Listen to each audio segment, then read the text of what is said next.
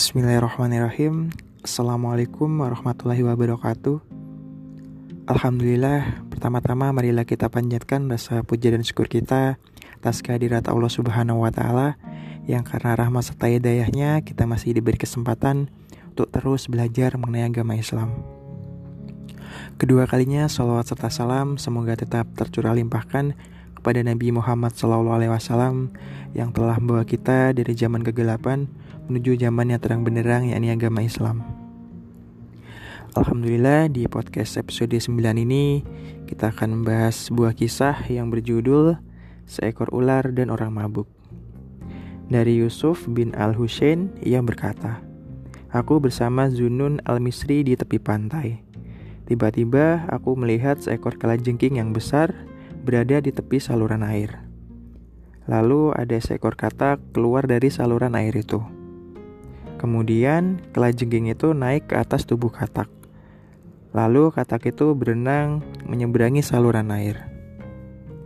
Zunun berkata, Kalajengking ini memiliki kelebihan, marilah kita mengikutinya.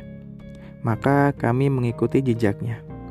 Tiba-tiba ada seorang laki-laki mabuk sedang tidur. Ada seekor ular datang naik ke tubuhnya dari arah pusarnya menuju dadanya. Ular itu mencari telinganya. Tiba-tiba, kalajengking itu datang, menghadang dan menyengat ular tersebut, sehingga ular pun berbalik dan mati.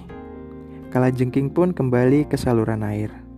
Lalu datang katak, kalajengking itu menaiki katak tersebut, lalu menyeberangi saluran air.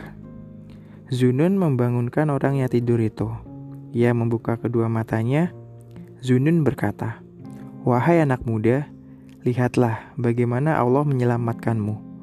Kala jengking ini datang membunuh ular yang akan menggigitmu.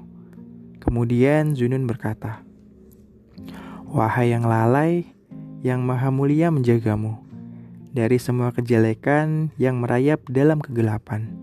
Bagaimana mata tertidur terhadap raja, banyak kenikmatan datang darinya. Pemuda itu bangkit dan berkata, Tuhanku, ini perbuatanmu terhadap orang yang berbuat maksiat kepadamu. Lantas, bagaimana kasih sayangmu kepada orang yang taat kepadamu?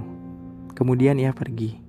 Aku berkata, Ke mana? Pemuda itu menjawab, Menuju ketaatan kepada Allah Subhanahu wa Ta'ala. Wassalamualaikum warahmatullahi wabarakatuh.